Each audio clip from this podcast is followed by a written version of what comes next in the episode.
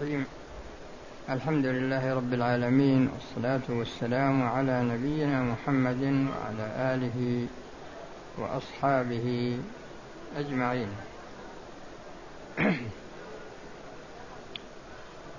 القاعدة السادسة والعشرون من قواعد ابن رجب رحمه الله. نص هذه القاعدة من أتلف شيئا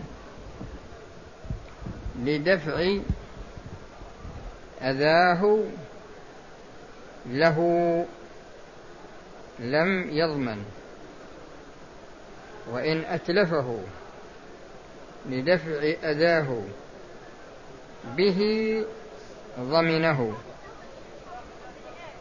من أتلف شيئا لدفع أذاه له لم يضمنه وإن أتلفه لدفع أذاه به ضمنه. المقصود من هذه القاعدة هو أن الشخص قد يصاب بأذى. وهذا الأذى يكون قد ورد عليه من غيره.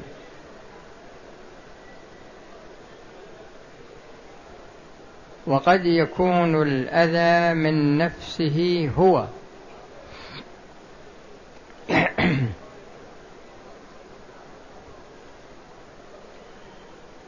فإذا أصيب الإنسان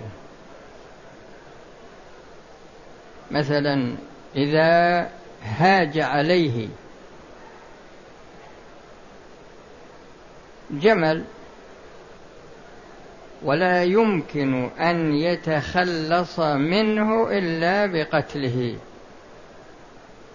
أو صال عليه إنسان ولا يتمكن من التخلص منه إلا بقتله.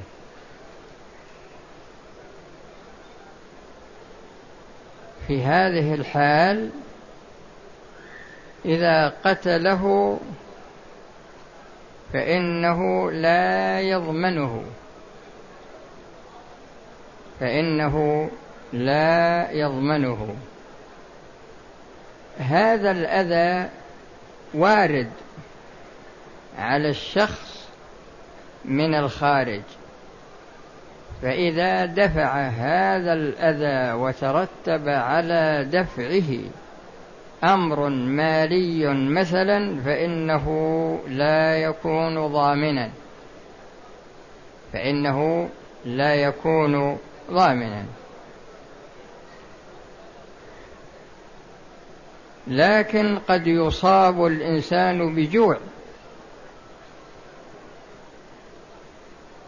ولم يجد ما يأكله إلا بهيمة. من بهيمة الأنعام ذبحها فأكلها. ذبحها فأكلها. هذه الحالة الأذى حاصل منه. بمعنى أنه يريد أن يدفع هذا الأذى الصادر منه وهو الجوع. في هذه الحالة يضمن. فعندنا إذا كان الأذى وارد عليه ولا يتمكن من دفعه إلا بما يترتب عليه من أمر مالي فإنه لا يضمن. وإذا كان الأذى واقع به ما هو عليه لا به. ويريد أن يدفع هذا الأذى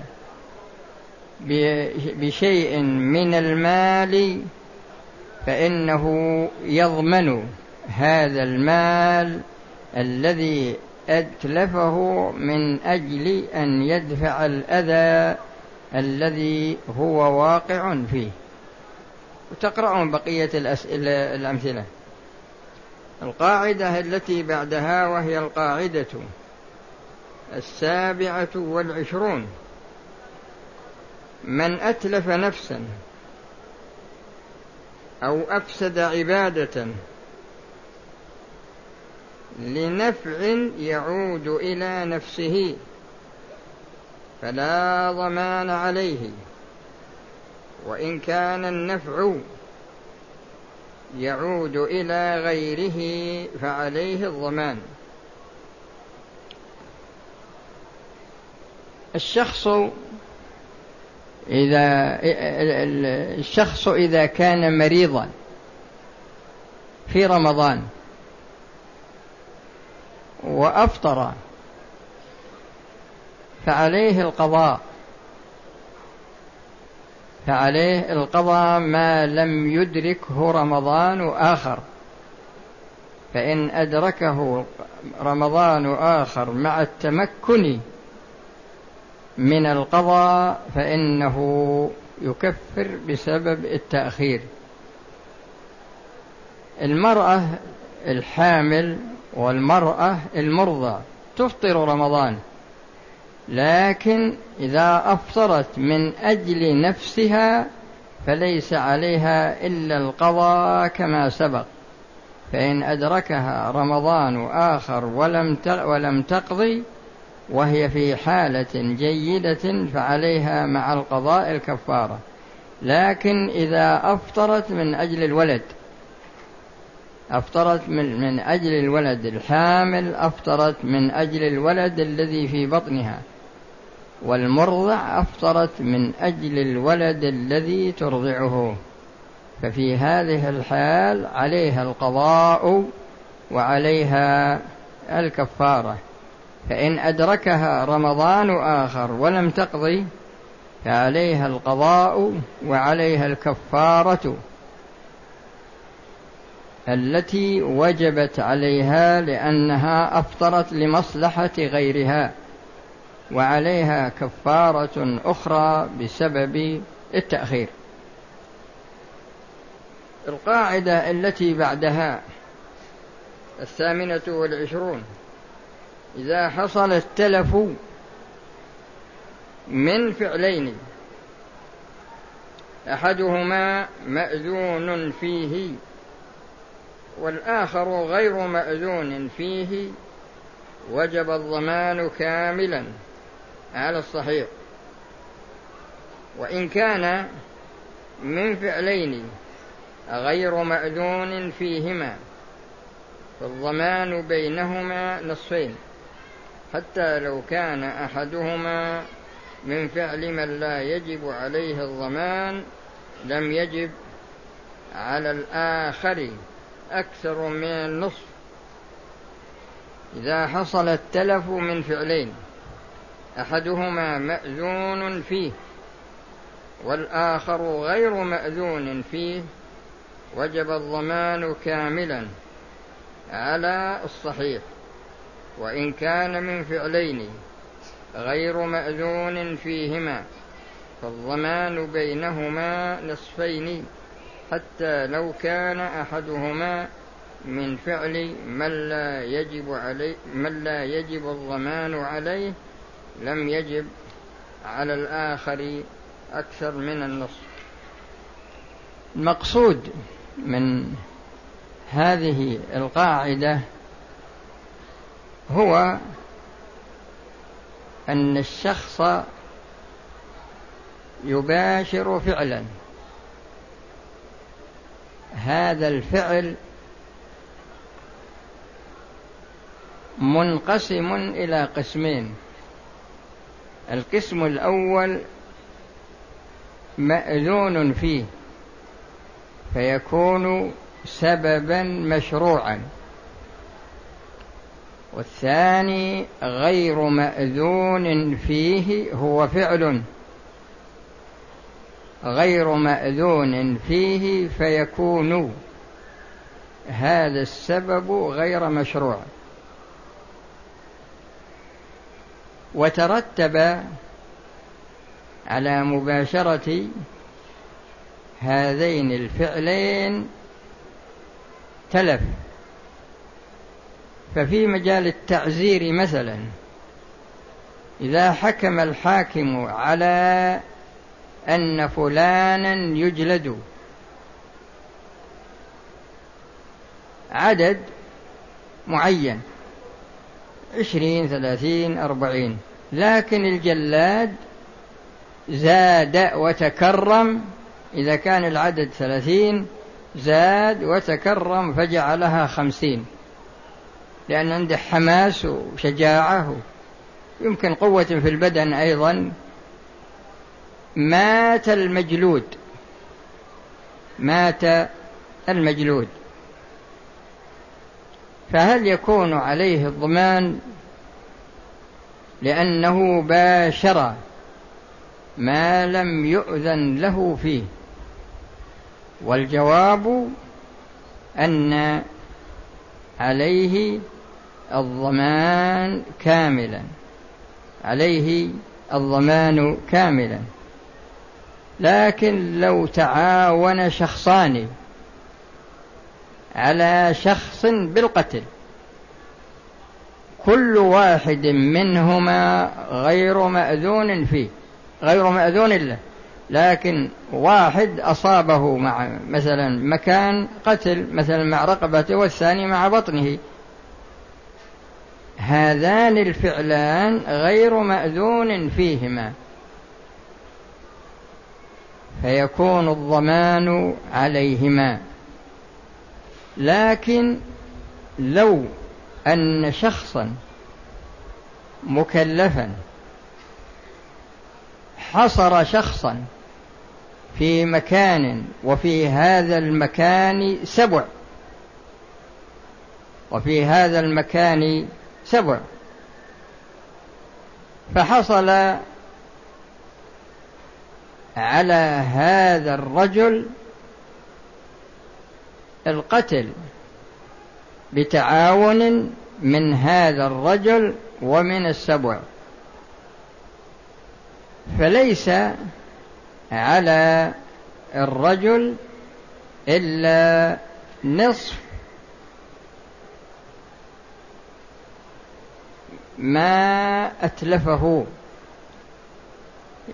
يعني قيمة يعني ليس عليه إلا النصف. أما النصف الآخر فليس عليه شيء. لكن لو حصل لأن فيه شيء في الأحكام الوضعية هذه لا يشترط لها علم ولا قدرة. فإذا كان صبي ولا مجنون ولا هذا هذا عليه مثل ذلك. القاعدة التي بعدها القاعدة الثامنة والعشرون.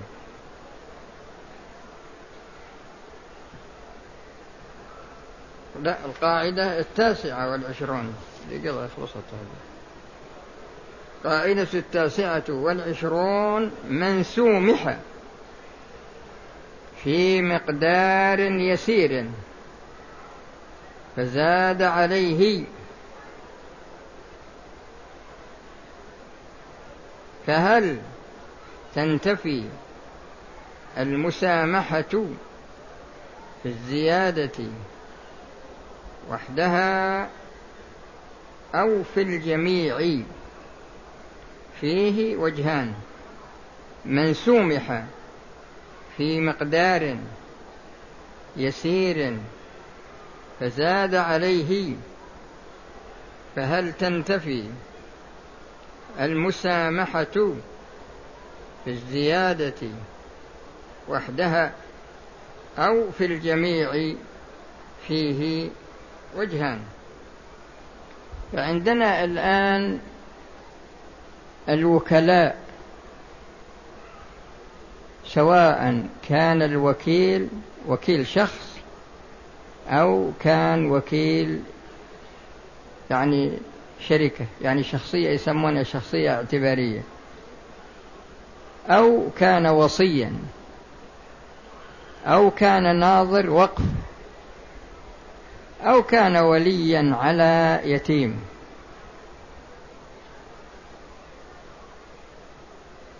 أو أن شخصا وكل شخصا في أمر معين فقط. كل واحد من هؤلاء يسمى نائب.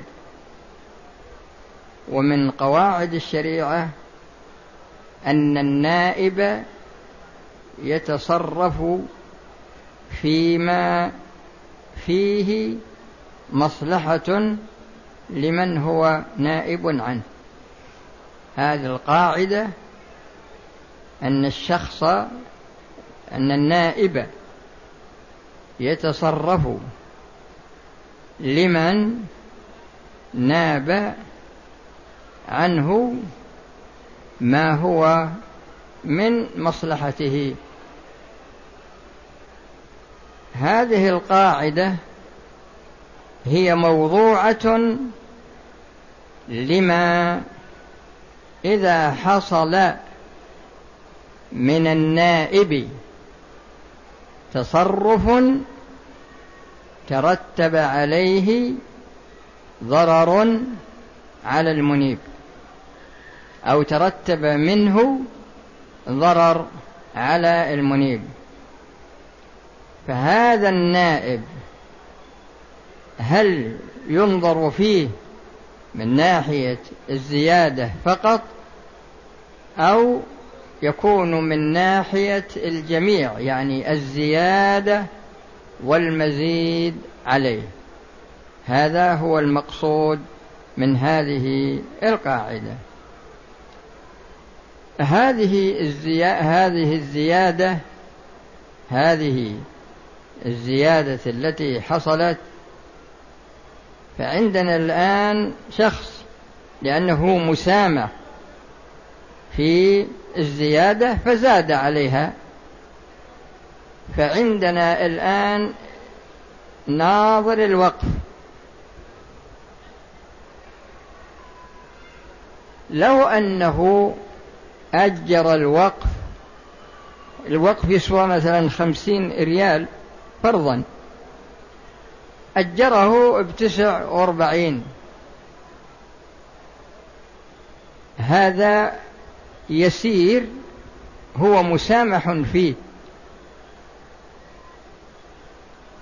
لكن أجره على صديق له ولا أجره على نفسه بعشرين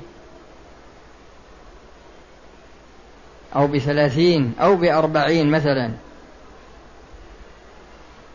يعني حصلت زيادة ما سومح فيها. عندما يطلب عندما يكلف بالضمان.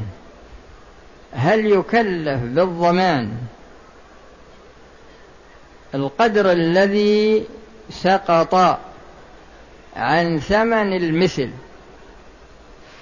أو يغرم المبلغ الواقع بين الثمن الذي باع فيه وبين الزيادة المغتفرة.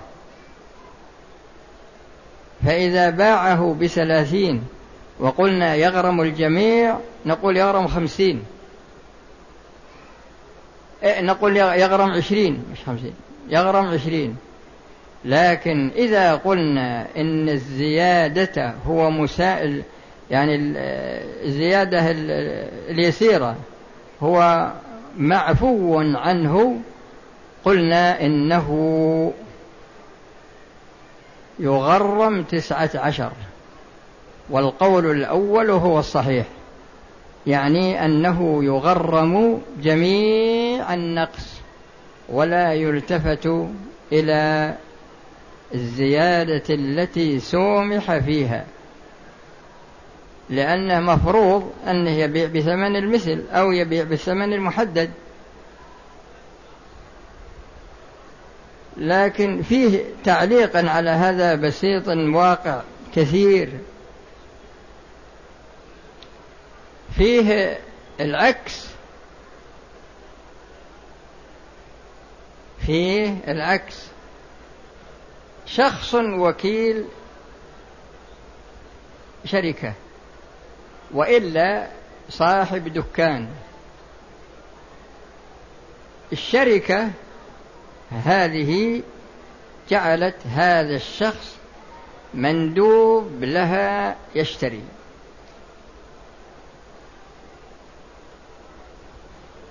أو مندوب لها يبيع. جاء إلى صاحب محل وقال أنا عندي بضاعة أبيعها عليك. وتسجلها بثمانين وتعطيني عشرين.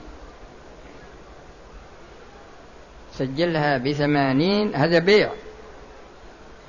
الشراء العكس سجلها بمئة على يعني سجلها بمئة. لكن بيني وبينك آخذ عشرين.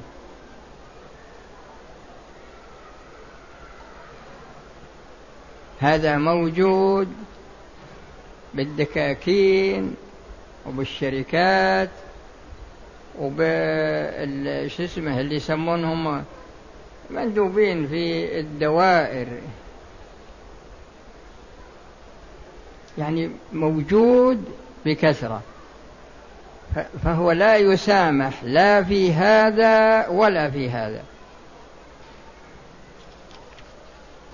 القاعدة الأخيرة في درس اليوم هي القاعدة الثلاثون نصها إذا خرج عن ملكه مال على وجه العبادة ثم طرأ ما يمنع إجزاءه والوجوب فهل يعود إلى ملكه أم لا؟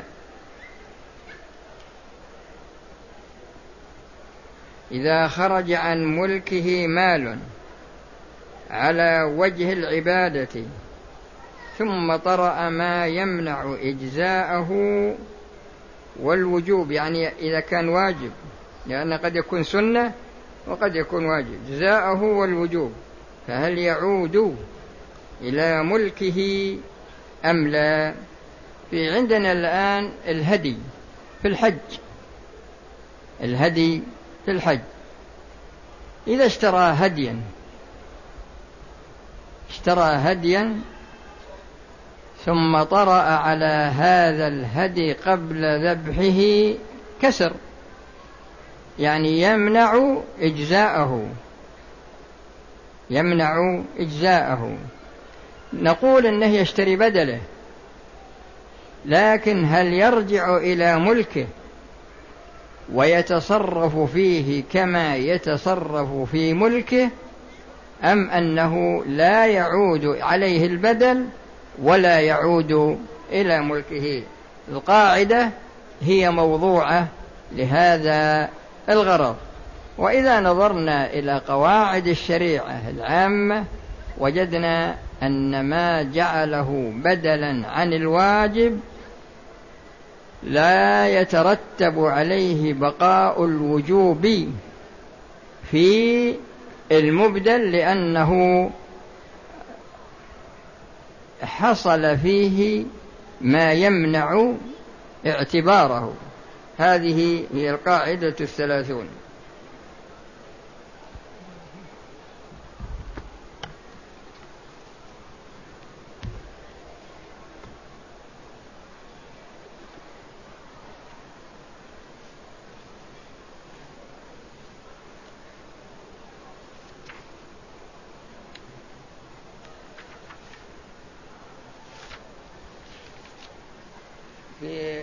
الماضي بسم الله الرحمن الرحيم. الدرس الماضي سبق الكلام على الرخصة وعلى العزيمة.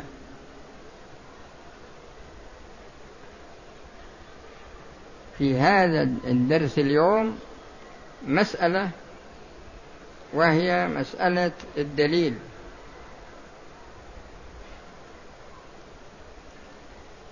والدليل يسمع به طالب العلم لكن من أجل تحرير الدليل المطلوب أذكر لكم أنواع الأدلة بالنسبة للشريعة. فالأدلة في الشريعة ثلاثة أقسام. القسم الأول ما يسمى بأدلة مشروعية الأحكام. أدلة مشروعية الأحكام. وهذا يشمل أصول الفقه. الكتاب والسنة والإجماع والقياس إلى آخره.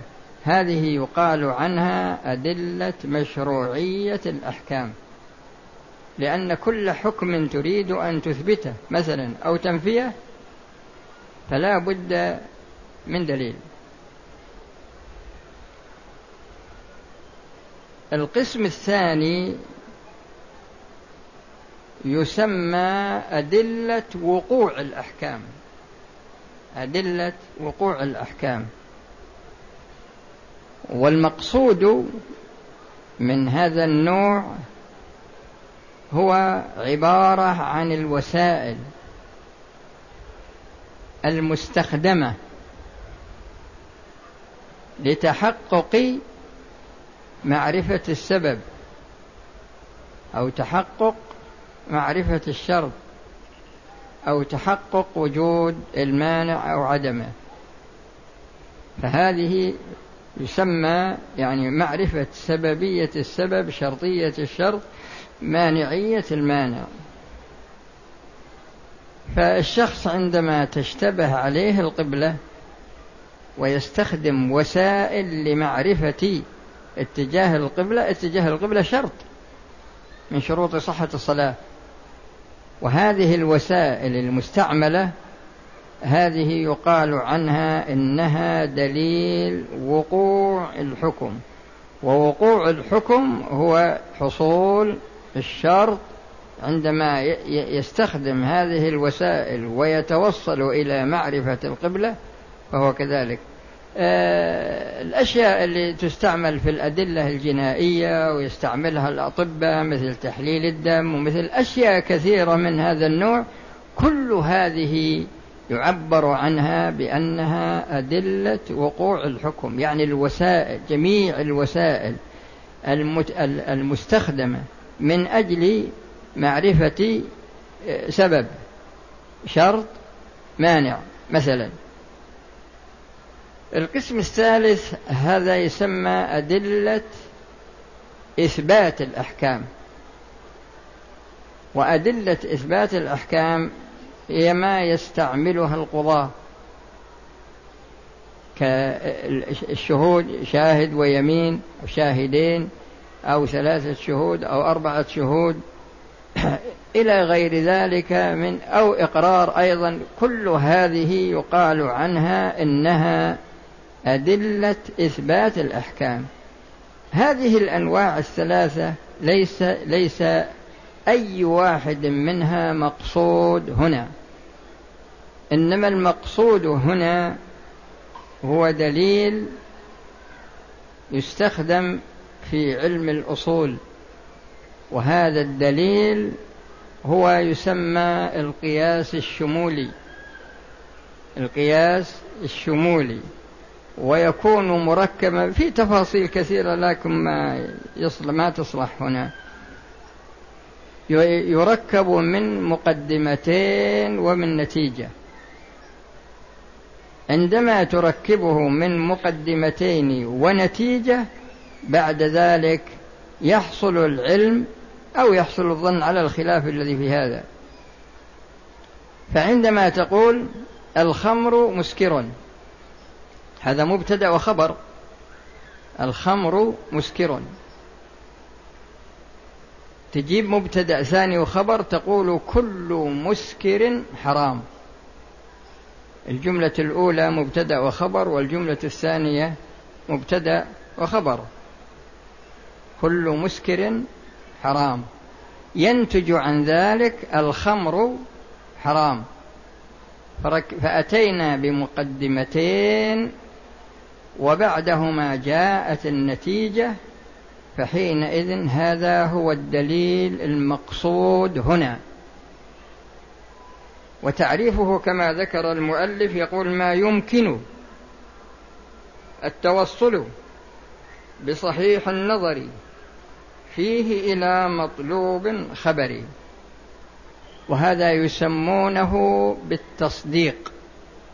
يسمونه التصديق. لأن علم الكلام تصور وتصديق. فإن ركب من هذا القياس الشمولي صار تصديقا. وإن كان مجرد تعريف على ما سيأتي بعد قليل. وإن كان مجرد تعريف يكون تصورا. فالمقصود أن هذا هو الدليل الذي قصده المؤلف هنا وترجعون إلى كلام المؤلف. بعد ذلك أشار إلى مسألة وهي أن في قاعدة في الشريعة وهي قاعدة الأسباب والمسببات. عندما عندما نأتي بالدليل هذا نعتبره سببا. لكن هل يترتب عليه مسببه وهو العلم؟ أو يترتب عليه مسبب